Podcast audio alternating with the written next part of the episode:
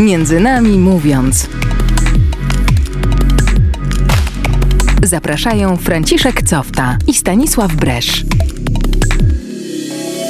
Nad drzwiami zapaliła się znowu czerwona lampka. Po raz kolejny jesteśmy na antenie. Kolejny odcinek audycji Między nami mówiąc przy mikrofonach Franciszek Cofta. i Stasiu Bresz. A dzisiaj porozmawiamy na temat y, dosyć y, trudny. Poważniejszy, Poważniejszy. poważniejszy niż zwykle chyba. Chociaż takie poważne tematy już u nas na antenie się zdarzały. Dzisiaj w naszym studio ksiądz Adrian Szafranek, e, a także pan Patryk Kowalski. Czyli osoby, które, e, które sprawują opiekę nad e, młodymi e, w ośrodku Katolickim Ośrodku Wychowania i Terapii Uzależnień Caritas Archidiecezji Poznańskiej. W Wierzenicy, W Wierzenicy. Ośrodku, który zajmuje się młodymi uzależnionymi. Dobry wieczór. Witamy Was. Dobry wieczór. Dobry wieczór, szczęść Boże. Cieszymy się, że znowu rozmawiamy na taki poważny temat. E, lubimy chyba zostać na takie poważne tematy. E, pierwsze, o co chcieliśmy Was zapytać, to co, mm, czym dla Was jest, co to znaczy być uzależnionym? Co to znaczy uzależnienie? Tak w- własnym zdaniem może bardziej. Mm. Mm, może zacznę. Uważam, że osoba uzależniona, bo często mm, z mojej perspektywy, też e, perspektywy terapeuty, e, nadużywa się terminu uzależnienie. Właściwie można mówić, że e, już jesteśmy uzależnieni od wszystkiego, od czytania książek, od wychodzenia na spacer z psem. E, Uzależnienie rozumiem jako czynność, którą wykonujemy, nad którą tracimy już kontrolę, ale która ma negatywny wpływ na nasze życie. Która niejednokrotnie powoduje, że różne przestrzenie naszego życia mm, jakby przestają się równoważyć. Czyli musi być to negatywne, czyli jeżeli jesteśmy uzależnieni od czegoś, co jest dobre, to znaczy, że to jest dobre? Mm, Nie wiem, co y, masz na myśli. Jeżeli, jeżeli rozwiniesz y, konkretną rzecz, y, o której myślisz, to, to, to jak najbardziej odpowiem. Jeżeli jesteśmy uz- uzależnieni na przykład od czynienia dobra? Mhm. E, No to wtedy to dobro, y, te czynienie dobra jest, myślę też, to zaraz ksiądz Adrian może powiedzieć, ale to wtedy jest moralnie dobre, więc Mhm. y, uważam, że to nie ma negatywnego wpływu na nasze życie, tym bardziej e, ma pozytywny wpływ na życie innych, więc y, rozumiem czynienie dobra, szeroko pojętego, jako coś y, raczej dobrego, zasługującego na pochwałę, niż, niż coś, z czego powinniśmy rezygnować, bo możemy się od tego e, uzależnić. Mhm. Książę Adrianie, coś, coś o uzależnieniu? No myślę, że granica jest bardzo cienka, e, jeśli chodzi o to, żeby rozróżnić, umieć rozróżnić właśnie, co jest dobre dla mnie, a co złe, co mnie buduje, a co jest dla mnie w sposób jakiś destrukcyjny, bo mogą być rzeczy, które ponazywam jako dobre.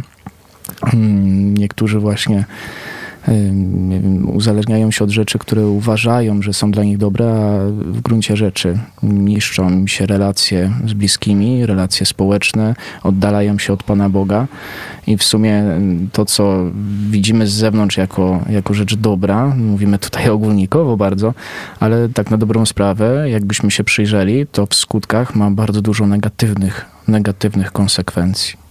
I wy zajmujecie się takimi młodymi, którzy trafiają takimi uzależnionymi negatywnie, którzy trafiają do, do waszego ośrodka. Kto, to- kto do takiego ośrodka trafia w ogóle? Jacy to są ludzie? Ja tylko odpowiem, że u, pojawił się termin uzależnienie negatywnie. Uzależnienie zawsze ma negatywny Mhm. y, charakter, nie? To zawsze jest jakiś pejoratywny wpływ na nasze życie. Więc y, jeszcze raz powiem, nie można się uzależniać od rzeczy y, dobrych, nie? Bo to wtedy uzależnienie generalnie ma taki aspekt niszczący. Myślę, coś, na co zwrócił ksiądz Adrian uwagę.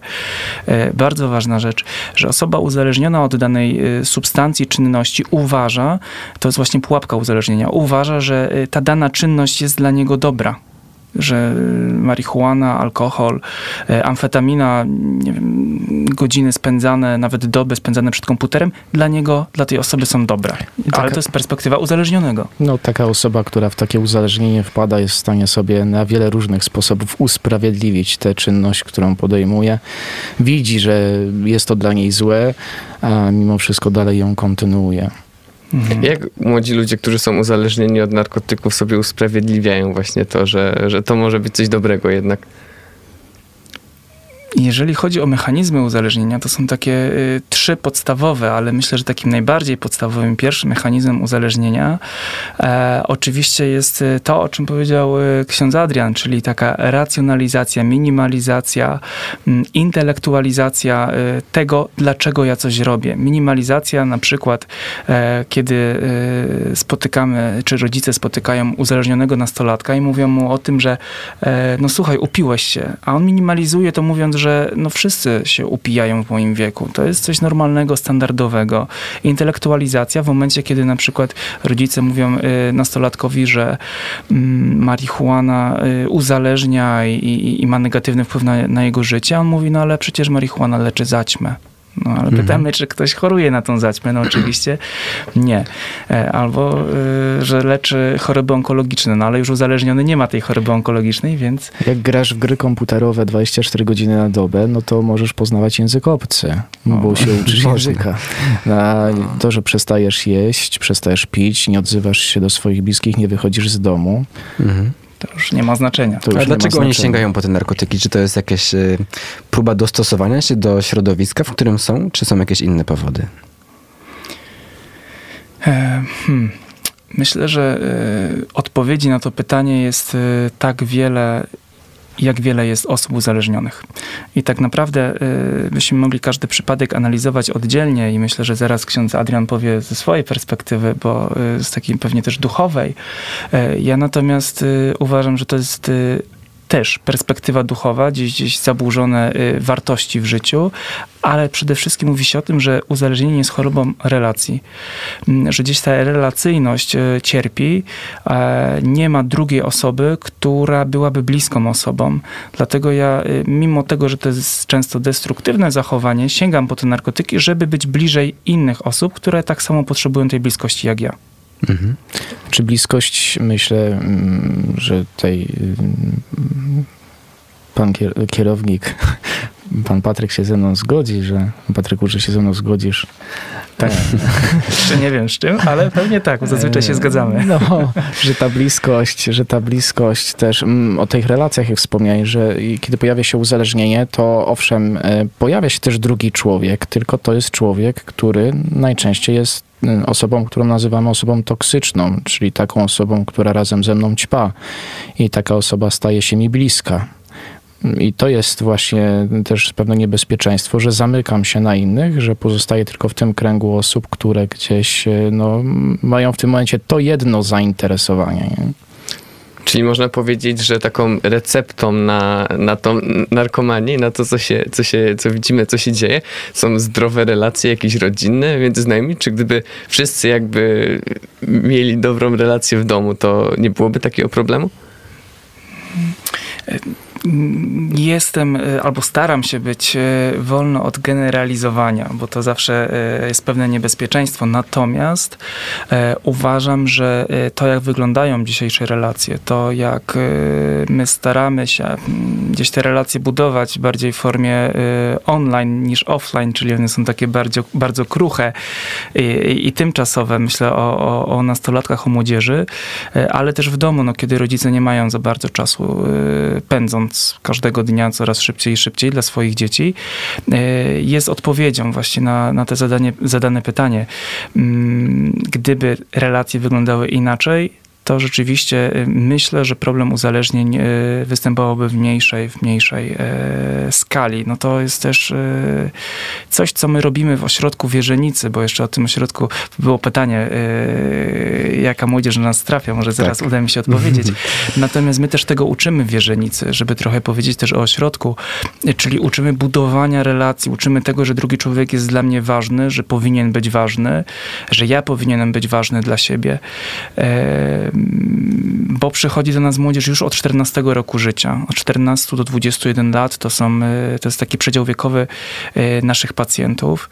Mm, I bardzo często e, spotykamy właśnie młodych ludzi, witamy w naszych progach ludzi, którzy gdzieś te relacje pogubili, nie byli wystarczająco zaopiekowani. Nie tylko przez swoich rówieśników, ale też przez, przez osoby starsze. Chociaż mówię, to nie jest jedyny powód, ale rzeczywiście dosyć istotny. Wracając do tego pytania, kto trafia, też e, chcieliśmy zapytać, jak tam ludzie trafiają, ponieważ samo e, uznanie u siebie pewnego uzależnienia, prawda, to na pewno jest, e, często pewnie to się też nie, nie do końca udaje ludziom. To jest ciężka, ciężka, ciężkie procesy muszą w głowie zachodzić.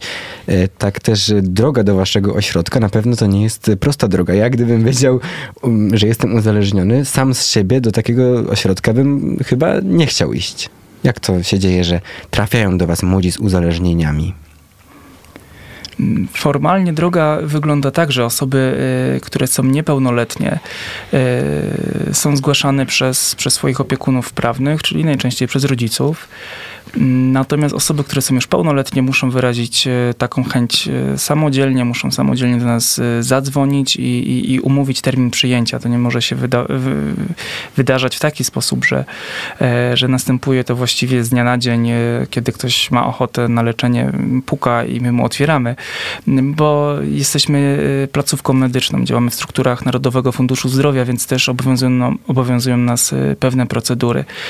Ale myślę, że bardziej e, ciekawy jest e, ten proces nieformalny i administracyjny, jak ktoś staje się naszym pacjentem, ale właściwie to, czego dotyczyło pytanie, jak to się staje, że ktoś e, zaczyna ufać albo wierzyć, że, że ktoś jest uzależniony, że ma z tym problem i myślę, mm, że to trochę jest tak, księże Adrianie, jak, jak z nawróceniem. To znaczy, że jest to taka droga mm, dosyć długa, dosyć długa i ośrodek jest ośrodkiem katolickim. E, Stawiamy też na te wartości katolickie, chrześcijańskie E, i myślę, że to coś, co obserwuję i czym się ostatnio dzieliliśmy z księdzem Adrianem, że to mm, przebiega chyba trochę dwutorowo, to znaczy jednocześnie terapia, uznanie swojej bezsilności wobec, wobec e, narkotyków, ale jednocześnie y, ten zwrot w swoim życiu w kwestii wartości, w kwestii poznawania też y, Pana Boga i tym się już zajmuje ksiądz Adrian u nas. Myślę, że to jest wszystko ze sobą bardzo powiązane, że w takim miejscu jak e, ośrodek nasz można zobaczyć w drugim człowieku, m, że mm, człowiek to nie tylko ciało, to psychika i też duch, i to wszystko jest ze sobą powiązane.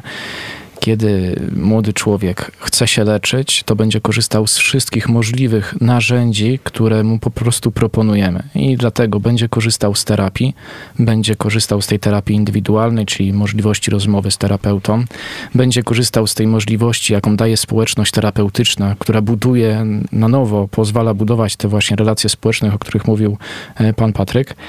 Mm, No i też w jakiś sposób jest ta y, już trzecia droga, czyli ten rozwój duchowy, czyli ja to widzę w ten sposób właśnie, że możliwość spowiedzi, rozmowy, odkrywania też w jakiś sposób na nowo sensu życia, spotkania, możliwości spotkania z Bogiem, odnalezienia w nim jakiejś nadziei. Do, tej- tego duchowego aspektu, do, do terapii jeszcze wrócimy, a ja chciałem zapytać, jak wygląda taki pierwszy kontakt z osobą, która jest uzależniona, która trafia do waszego ośrodka? Pierwszy kontakt e, osoby, która już trafia i staje się pacjentem, czy pierwszy kontakt... e, Pierwszy kontakt was, opiekunów, którzy, A, którzy okej. próbują tam Okej. y, pomóc tym osobom, z tymi, którzy przychodzą tak z, z dużym problemem. Mhm. E, przyjęcie, y, no właśnie, odbywa się w, w obecności opiekuna prawnego, jeżeli ktoś jest y, niepełnoletni. Mm, Natomiast zaraz po przyjęciu y, zwołujemy tak zwaną społeczność e, taką przyjęciową. Wtedy wszyscy mieszkańcy naszego domu gromadzą się w jednym miejscu, w sali społecznościowej, tak ją nazywamy, to jest serce naszego domu, po to, żeby przywitać nową osobę. Ta osoba też mówi parę słów o sobie, skąd przyjechała, ile ma lat, czym się interesuje, żeby stać się trochę bliższą pozostałym mieszkańcom, ale też wszyscy mieszkańcy przedstawiają się tej osobie konkretnej, która stała się e, częścią tej społeczności.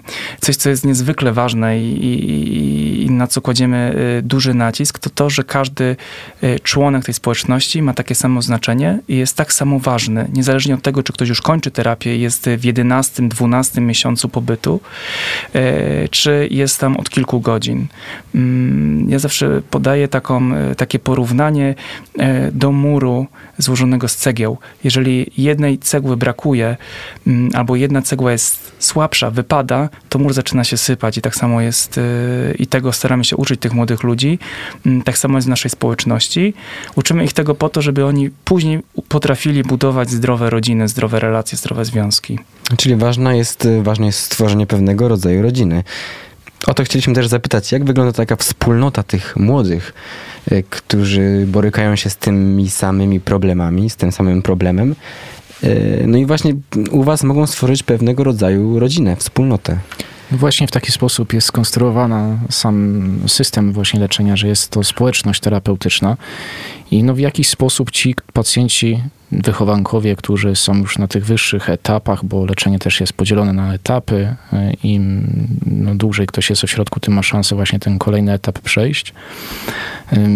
Wtedy ci, którzy są już na tych wyższych etapach, mają mm, w jakiś sposób poczucie odpowiedzialności to był ideał, do którego byśmy dążyli, że mają poczucie odpowiedzialności za tych młodszych, e, którzy dopiero co weszli do domu. Także z, z jednej strony, owszem, tutaj jest ważna ta relacja dorosły, dorosły wychowanek, ale na dobrą sprawę dużo się dzieje między nimi. Między nimi, z, jeśli, jeśli rzeczywiście chcą, jeśli chcą, bo to jest ten punkt y, chyba wyjścia, jeśli chcą się leczyć, chcą się zmieniać, to naprawdę mają, mają po prostu 24 godziny szansy do tego, żeby po prostu ten proces zmiany następował. A co się dzieje, jeśli nie chcą? Bo słyszeliśmy przed chwilą, że część młodych ludzi trafia tam nie do końca ze swojej woli, bo właśnie, że ro- rodzice ich wysyłają. Jak to jest z tą terapią? Bo wydaje mi się, że nie da się kogoś leczyć, jak ktoś nie chce być leczony. Jak to wygląda? To jest słuszne pytanie i słuszna uwaga. Nie da się leczyć kogoś, kto nie chce być leczony. Rzeczywiście wymagamy minimum, y, naprawdę minimum y, zaangażowania i motywacji do podjęcia leczenia. Co rozumiemy przez to minimum? Y, To chociażby uczestniczenie we wszystkich zajęciach, bez otwierania się na razie, bez mówienia o swoich dylematach, problemach czy przeszłości. Ważne jest to, żeby uczestniczyć chociażby w życiu codziennym, wspólnie jeść posiłki, wspólnie chodzić y, na zajęcia, do szkoły, bo oczywiście na terenie ośrodka też e, odbywają się lekcje, mm, czy też do pracy chociażby w ogrodzie, bo mamy duży ogród, mamy sad, mamy pszczoły, więc, więc tutaj uczymy tych młodych ludzi też mm, odpowiedzialności. To, o czym powiedział ksiądz Adrian, to jest szalenie ważny aspekt w terapii uzależnień. Mm, Nauka odpowiedzialności, że wszystko, co robię, ma swoje konsekwencje. E, Więc na początku staramy się tą e, młodą osobę gdzieś, e, staramy się, żeby ona się zaklimatyzowała, żeby poczuła się bezpiecznie. To, te- te, to miejsce, wierzenica mm, ma być domem dla tych osób i staje się domem dla tych osób. E, I, i jeżeli to następuje, to rzeczywiście z czasem e, to nasze doświadczenie pokazuje i to e, przez wiele, wiele lat już, że z czasem te osoby y, same mają potrzebę mówienia, same mają potrzebę otwierania się, dzielenia się z tym, y, co jest dla nich trudne. Mm, Bo ja też takie porównanie używam, mm, że jesteśmy trochę jak gąbka i gąbka zbiera wodę mm, do pewnego momentu, ale kiedy już jest y, tak nasączona tą wodą, że już tą wodę gdzieś tam tylko roznosi, a nie zbiera, to trzeba ją po prostu wyrzymać. I tak samo jest z nami, kiedy my nosimy w sobie już bardzo wiele emocji, też, też tych trudnych, to też my czasami musimy się wyrzymać. A, a czym jest to y, wyrzymanie dla nas? To właśnie jest rozmowa, dzielenie się tym, co, co jest trudne, ale nie mm, przed komunikatorem, telefonem, komputerem, ale przed realnym drugim człowiekiem. Ważnym elementem tej terapii na pewno są właśnie te rozmowy, setki rozmów, godziny.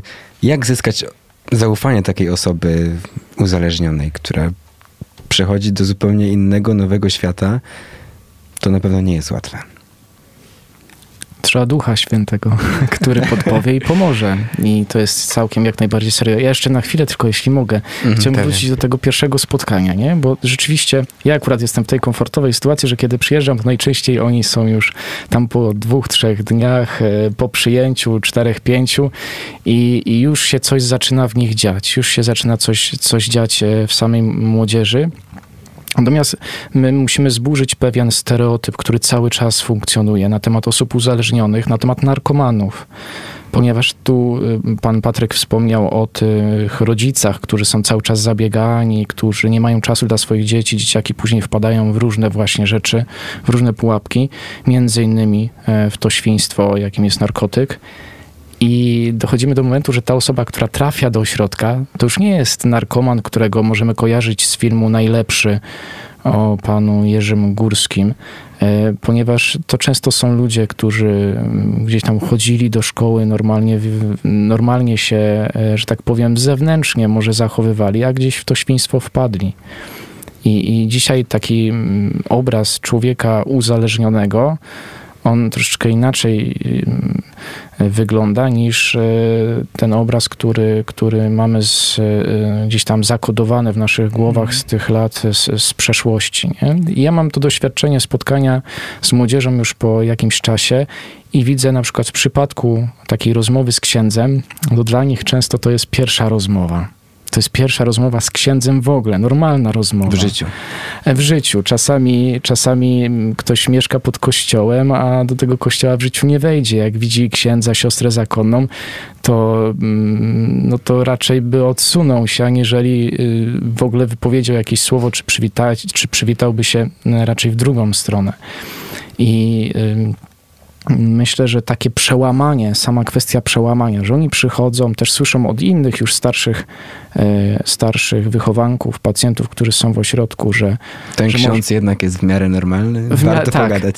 tak, tak, tak. Ja Przypominam, tylko powiem, że to jest niesamowite, y, kiedy właśnie ja tydzień temu niespełna mówię, będzie ksiądz Adrian dzisiaj, y, kto chce pójść. No i, i, i y, pacjenci robią listę i jest nowa osoba, która nigdy nie była. To właśnie co, o czym, o czym przed chwilą powiedziałeś i, i, i się waha. Widać, że ma jakiś dylemat. Iść, nie iść, nie wie kim jest ten ksiądz, kto idzie, po co idzie. E, I osoby, które y, już mają doświadczenie budowania relacji z księdzem, mówią, no idź, idź, zobaczysz, zobaczysz, przekonasz się. Jeżeli tobie nie podpasuje, to, to okej, to zrezygnujesz, ale warto, warto się przekonać. I to jest ciekawe, że y, kiedyś te osoby były w podobnej sytuacji, też nie wiedziały, czy pójść, też nie wiedziały, czy, czy to będzie dla nich dobre, czy nie, a teraz już są na takim poziomie, że potrafią y, nie tylko same chodzić, y, ale również zachęcać do tego innych. I to, to, to jest świetne. Tego y, staramy się, jak, żeby było jak właśnie jak najwięcej. w jaki sposób budować to zaufanie, trudno powiedzieć. Myślę, że mm, trzeba mieć ogromną cierpliwość. Mm, Myślę, że w innej sytuacji są terapeuci, którzy na przykład mają za zadanie spędzić w ośrodku 12 godzin i to jest 12 godzin, które na pewno nie są łatwe. Natomiast zupełnie inną sytuacją jest, kiedy ja na przykład przyjeżdżam. Potwierdzam, że to czasami jest trudne, bo dzień jest tak intensywny, że No, rzeczywiście jest, jest to dynamiczne. Ja, jak dużo tylko, się dzieje. jak tylko przyjeżdżam i widzę po prostu, ile młodzi mają pytań, kwestii, e, tutaj jeszcze ktoś na terapię indywidualną, tu jeszcze coś, tu jeszcze coś. I rzeczywiście, żeby ogarnąć taką grupę, która uczy się odpowiedzialności za swoje zadania, obowiązki, to rzeczywiście nie jest to łatwe. Kiedy ja przyjeżdżam, no to ta młodzież już w jakiś sposób jest e, w tych trzech godzinach e, czy czterech godzinach, kiedy przeznaczamy na rozmowę, na spowiedź u księdza, to oni są bardzo, że tak powiem, zdyscyplinowani wtedy. A ja tylko dodam jeszcze, bo jak się pojawiło tak e, pytanie, jak budować zaufanie osoby uzależnionej, e, pojawiło mi się w głowie normalnie. Normalnie, że osoba, to znaczy? osoba uzależniona jest e, takim człowiekiem jak e, każdy z nas. Natomiast e, no, wdarła się jakaś dysfunkcja do, jego, do jej funkcjonowania, no, ale my też relacje budujemy i zaufanie zdobywamy bliskim, na, bliskim osób, bliskich osób w taki sposób, że spędzamy z sobą czas, że rozmawiamy, że jesteśmy coraz bliżsi sobie. E, I im więcej rozmawiamy, im więcej tego czasu, tym się czujemy swobodniej. Im się czujemy swobodniej, tym mamy większe zaufanie i, i, i klucza innego na to nie ma. Ale to też łączy się z tym, o czym zaczęliśmy, z czym zaczęliśmy rozmawiać, czyli z zabieganiem mm, dzisiejszego świata. Ludzie nie mają czasu dla siebie, nie mają też czasu na bliskość, a dobrze rozumianą bliskość, o właśnie, to jest tutaj chyba bardzo ważne i, i bym powiedział kluczowe. Mm, a my staramy się właśnie tego uczyć. Do naszej rozmowy o uzależnieniach i o uzależnionej młodzieży powrócimy po krótkiej muzycznej przerwie. E, w tym czasie zagra dla nas John Lennon w piosence Beautiful Boy, piosence, która pojawiła się ostatnio w filmie Mój piękny syn, filmie, który opowiada historię młodego człowieka, który właśnie w jakiś stopniu się uzależnił od niebezpiecznych substancji i też o jego relacji z rodzicami.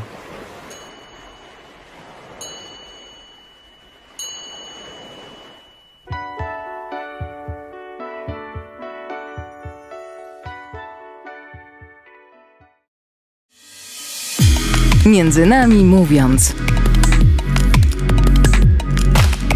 Zapraszają Franciszek Cofta i Stanisław Bresz. Beautiful Boy z dedykacją dla, dla wychowanków, ale też opiekunów, dla wszystkich e, w Katolickim Ośrodku Wychowania i Terapii Uzależnień w Wierzenicy, żeby się nie poddawali w tej drodze którą idą. Z nami jest e, ksiądz Adrian Szafranek, duszpasterz ośrodka, a także dyrektor tego ośrodka, pan Patryk e, Kowalski. Cieszymy się, że o tym, że jesteście z nami w studio i że o tym możemy porozmawiać. E, chcieliśmy zapytać, na czym polega też praca takiego duszpasterza w ośrodku? Jakie są zadania? Oprócz rozmowy z, z osobami w sumie najbardziej sobie, najbardziej cenię sobie te rozmowy, ten czas na rozmowy przeznaczony. Moim zadaniem jest być. To jest pierwsze, najważniejsze zadanie, czyli być z nimi, z młodymi, a w jakiś sposób też z kadrą, w sensie z terapeutami. Czuję to, jak czasami przyjeżdżam, że jak wjeżdżam, to, to po prostu jest tam potrzebny ksiądz. Ksiądz, który po prostu wniesie dobre słowo, wniesie mm, jakiś uśmiech, nie wiem, spojrzenie dobre, może coś nowego wniesie w ogóle w cały dzień. E, no, to najważniejsze to są dla mnie to są takie e, osobiste spotkania, nie? Przede potwierdzam, wszystkim. Potwierdzam, tak. Czasami ta obecność e, po prostu jest potrzebna, nie? Jeszcze e, ksiądz Adrian ma taki dużo, dużo spokoju w sobie, cierpliwości, co, co niejednokrotnie jest potrzebne w tej pracy. Osoby, które trafiają do ośrodka nie są zawsze wierzące. Czy duchowość pomaga w wyjściu z uzależnienia? Jak to wygląda? Mm, piękne jest to, że na pewnym etapie terapii, czasami to jest szybciej, czasami później, młodzi otwierają się na duchowość. Ja myślę, że, że jak ktoś y, chce z tego miejsca czerpać jak najwięcej, chce właśnie na nowo nauczyć się żyć, my mówimy, że to jest miejsce nowego życia, kiedy, kiedy tak rozpoczynamy nowe życie, oni rozpoczynają nowe życie, to w jakiś sposób Pan Bóg Hmm, chciałbym to tak ładnie nazwać, że staje się po prostu taką dodatkową siłą, nie? Siłą, nawet jeśli, jeśli czuję, że po prostu, że nawet mi dzień nie idzie, że, że, że coś tam mi nie poszło, że otrzymałem jakąś konsekwencję, z której nie jestem zadowolony od terapeutów, od społeczności, e, konsekwencję, która mi na przykład zabrania jeść słodkie, nie wiem, która powoduje, że nie mogę się do kogoś odzywać, to ma też swój aspekt terapeutyczny oni wiedzą, że nie są sami, nie są sami, bo jest ktoś, kto czuwa nad nimi, kto ich prowadzi. E, myślę sobie o, mm, myślę sobie tyle, co mogę powiedzieć o doświadczeniu spowiedzi świętej. To są bardzo piękne spowiedzi święte. Jeśli ludzie młodzi przychodzą i mają takie pragnienie w sercu, proszę księdza, ja chcę, chcę się wyspowiadać. Dawno już tego nie robiłem. Nie pamiętam, jak to się robi. E, czy ksiądz mi pomoże? Bo takie mówi... spowiedzi na pewno są takie bardziej szczere, mi się wydaje, też wtedy. Myślę, że myślę, że tak, że, że to, są, to są piękne spowiedzi, nie? że ktoś przychodzi, ktoś przychodzi po, po dłuższym czasie, ktoś przychodzi mm, i, i mówi, proszę księdza, ja nie umiem, ale mm, słyszałem, że ksiądz pomoże, nie? W jaki sposób się przygotować, nie? W jaki sposób przeżyć te spowiedzi. Czasami pa, pacjenci, podopieczni, wychowankowie też sobie podpowiadają, w jaki sposób y, w jaki sposób e, do tej rozmowy, do samej spowiedzi świętej podejść, ale też wiem, że, że między sobą rozmawiają czasami na temat Pana Boga, wiary. Też swoje znaczenie ma to, że jest blisko Kościół, kiedy oni uczestniczą we mszy świętej w każdą niedzielę to w jakiś sposób to uczestniczenie ich także w tej społeczności lokalnej, jaką jest parafia, to też ma swoje znaczenie. Oni po prostu czują się częścią, częścią tej wioski, w której mieszkają.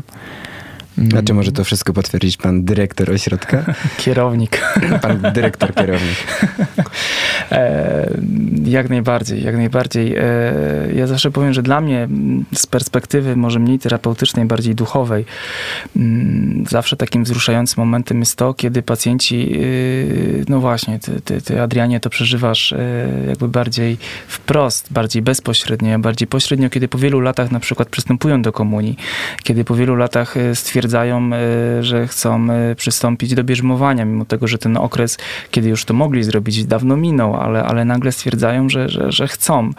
Mm, Przecież mieliśmy też pacjenta, który się przygotowywał do chrztu świętego i to też było, y, myślę, otwarcie się na, tę na tą e, łaskę, na, na sakramenty poprzez pobyt w ośrodku i dzięki, myślę, też naszemu wsparciu, wsparciu księdza Adriana. Mm, Czy duchowość, ja tylko odpowiem jeszcze, czy duchowość pomaga y, w terapii? My mówimy tak, nie ma trzeźwości bez duchowości. Oznacza to y, nie tyle, że trzeba być y, mm, osobą, która chodzi na pielgrzymki i, i, i- tutaj e, na koncerty uwielbieniowe i, i, żyje tym y, niczym więcej, E, ale chodzi o to, żeby duchowość też przeżywać i traktować w formie wartości. To znaczy, są przecież ośrodki, które nie są katolickie, a które też e, pomagają młodym ludziom, nie mniej niż my. I te wartości, które też y, są przecież duchowością, prawda, piękno, dobro, y, to są y, te wartości, które oczywiście zawiera doktryna chrześcijańska, ale można je wyznawać, można prowadzić piękne duchowe życie, mm, nawet nie będąc chrześcijanem, chrześcijaninem, przepraszam, katolikiem. Jak wyglądają relacje pomiędzy opiekunami a wychowankami? Bo my ze Stasiem znamy, myślę, dobrze na przykład wspólnotę Larsz albo działającą w Poznaniu wspólnotę Burego Miesia. To są inne, inne domy. O co innego tam chodzi? E, Ale mm, w tych domach e, opiekunowie i mo- możemy powiedzieć podopieczni e, raczej tak jak u was tworzą, próbują stworzyć rodzinę, ale nie, nie nazywają się właśnie opiekunami e, i podopiecznymi, a próbują stworzyć e, coś na kształt e, po prostu wspólnoty, w której nie ma osoby chorej i lekarza, a e, po prostu jedna cała piękna rodzina. Jak to wygląda w przypadku waszego domu? Czy coś takiego też można stworzyć? E, Myślę, że i tak, i nie. To znaczy, nie ma tutaj jednoznacznej odpowiedzi, ponieważ e, my zajmujemy się jednak leczeniem. Zajmujemy się leczeniem, więc e, ta granica, e, która się gdzieś tam, m, która powstaje, która została utarta między podopiecznymi pacjentami a terapeutami, kadrą, no jednak musi, musi istnieć. Musi istnieć, ona nie może być gdzieś tam przekraczana, dlatego że te pacjenci od nas muszą uczyć się zdrowia, muszą uczyć się tego, jak funkcjonować w zdrowy sposób, a, a, to wymaga autorytetu, to wymaga jednak e, też odpowiedzialności od nas, a szacunku od nich. Więc, e, więc jakby ta granica gdzieś, gdzieś funkcjonuje, natomiast e, oczywiście e, staramy się też tym młodym ludziom pokazać, że dorosły mm, nie musi być kimś, kto, kogo przeżywają jako wroga. I to jest niezwykle ważne, y, bo, bo my z nimi też y, i jeździmy na łyżwy, jeździmy na basen i, i, i organizujemy wyjazdy wakacyjne i obozy sportowe, kiedy przemierzamy dziesiątki e, kilometrów w górach i, i, i razem zdobywamy szczyty i, i, biegamy, gramy w piłkę. no, no jest, tak, jest cała masa rzeczy. Natomiast y, gdzieś ta granica mm, musi być. Osoby uzależnione mają taką tendencję do przesuwania i przekraczania granic. To jest, y, mówiłem o odpowiedzialności, to by był taki drugi filar, mm, który musi, czyli ta, ta, granica, który musi e, respektować osoba uzależniona. Czyli granice, granice. I to też w relacji z drugim człowiekiem, ale też własne granice trzeba znać, e, je akceptować i, i, i, i gdzieś w życiu, w życiu nimi żyć. A ci młodzi ludzie nie czują się zamknięci w tym ośrodku, bo z tego co słyszałem, to oni nawet nie wyjeżdżają z ośrodka na święta. Cały, cały rok są, tak? To jak, jak, to wygląda? Są cały rok i myślę, że to jest mm, po części konieczne z racji leczenia, terapii, ale oni właśnie w tych miejscach mogą, ja myślę, że przy okazji świąt to bardzo jest widoczne, że oni po prostu widzą, co stracili w swoim życiu. Nie? Wracają do, to są takie silne bardzo momenty, jak właśnie e, szczególnie gwiazdka bo oni są w tym miejscu, stają się dla siebie rodziną w tym momencie, łamią się nawzajem opłatkiem e, i zaczynają wracać do tego, co mieli kiedyś. Jeśli mieli, to mają do czego wrócić i powspominać, potęsknić trochę. E, dla niektórych to jest powrót do jakiejś przeszłości destrukcyjnej, bo wspominają sobie e, czas Wigilii, kiedy przez trzy dni nie było ich na przykład w domu. Różne takie sytuacje.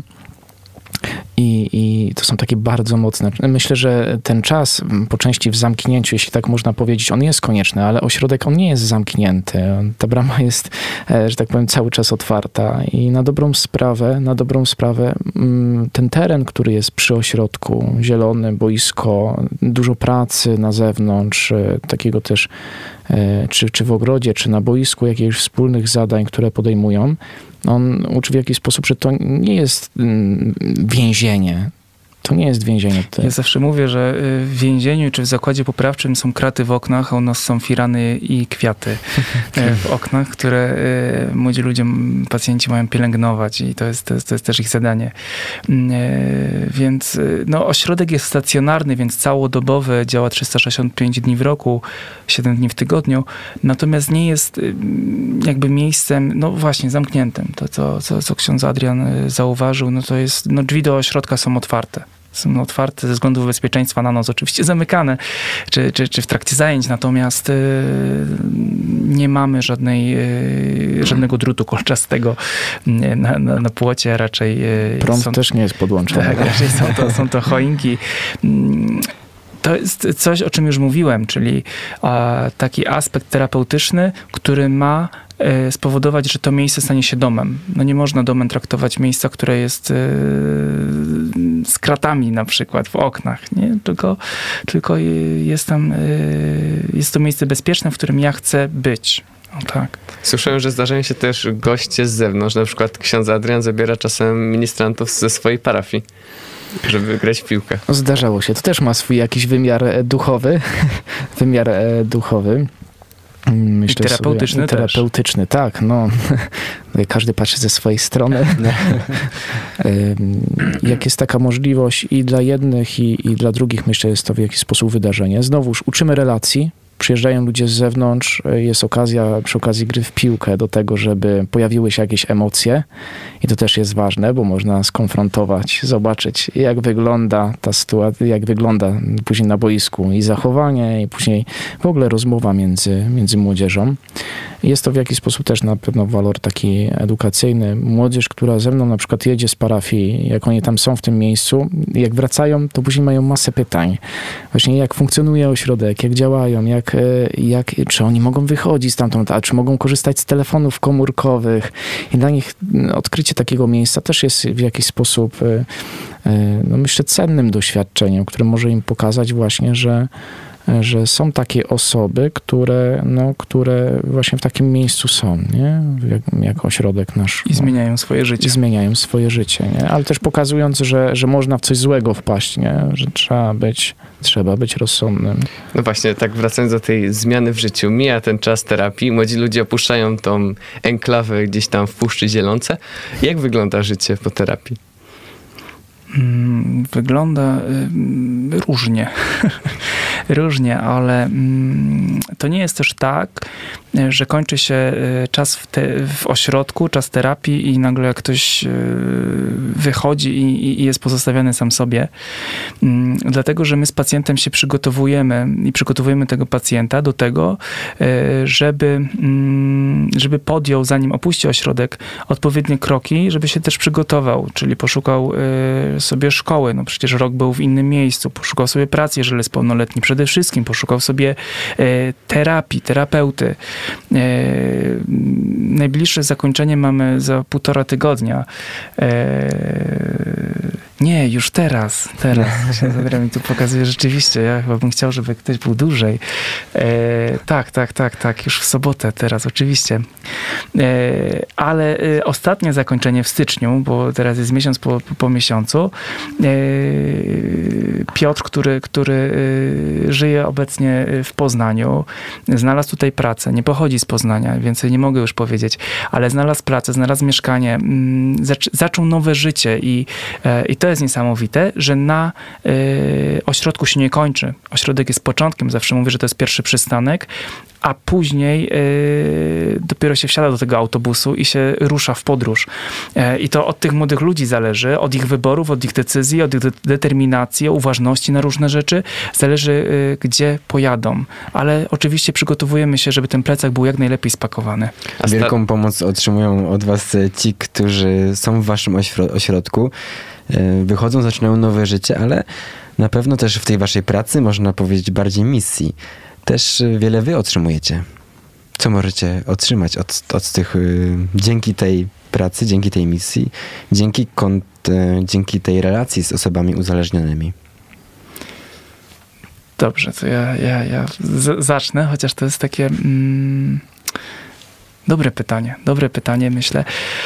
E, Co ja sobie biorę z tej pracy? Na pewno biorę sobie mm, te wszystkie chwile i te wszystkie momenty, kiedy widzę, że pozornie sytuacja bez wyjścia, pozornie, y, byśmy powiedzieli, patrząc z boku, e, przegrane życie, przekreślone życie niejednokrotnie, e, jest y, albo staje się, e, prostując kolejne ścieżki, e, życiem e, satysfakcjonującym. Życiem, w którym ktoś odbudowuje relacje z rodziną, z bliskimi, podejmuje pracę, szkołę, kończy studia, zaczyna studia. To na pewno nie uczy tego, że nie ma sytuacji bez wyjścia. Że e, trochę tak biblijnie, e, że zawsze jest moment na zmianę swojego życia, zawsze jest e, moment na nawrócenie. I te historie naszych pacjentów, niejednokrotnie mówię, osób, które gdzieś już zostały przez swoich najbliższych przekreślone, pokazują, że to jest możliwe. Książę No i kiedy mm, kierownik mówi o tych sytuacjach, to od razu przed oczyma mam no, różne rozmowy, sytuacje. Mm, Myślę, że tutaj już no, na pewno mm, to miejsce uczy mnie, żeby nie przekreślać człowieka, nie? żeby nie być zero-jedynkowym. Myślę to, co powiedział pan Patryk, że nawet jeśli historia życia moja wyglądała tak, a nie inaczej, to mnie jeszcze nie przekreśla. Ja mogę się zmienić. Dzięki Bożej pomocy mogę się zmienić. Mm. Dla mnie osobiście to miejsce, no to jest miejsce, do którego można się na pewno bardzo przywiązać. To jest miejsce, do którego można się bardzo przywiązać. Czasami jadę tam i rozmawiam z osobą, po chwili to już jest moja, dowiaduję się, że już tej osoby nie ma i to jest moja ostatnia rozmowa, pierwsza i ostatnia rozmowa z tą osobą, którą poznałem. I w jakiś sposób przez chwilę rozmowy okazuje się, że poznałem jej piękno tej osoby, poszukiwania wartości, swojego miejsca w świecie, mm, sensu życia, e, takich rzeczy dotykamy, nie wiem, takich głębszych. Mm, I właśnie to miejsce uczy mnie dostrzec wartość w każdym człowieku, nawet tym, który gdzieś tam się pogubił.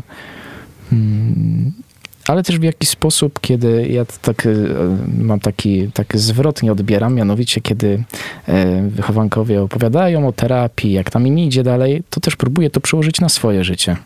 I to mi dużo daje, ponieważ potrafię gdzieś w jakiś sposób, e, może kiedy próbuję zrozumieć drugą osobę, kiedy ona próbuje zrozumieć siebie, to ja też próbuję rozumieć sam siebie w tym momencie, nie? co się we mnie dzieje, jak przeżywam pewne rzeczy.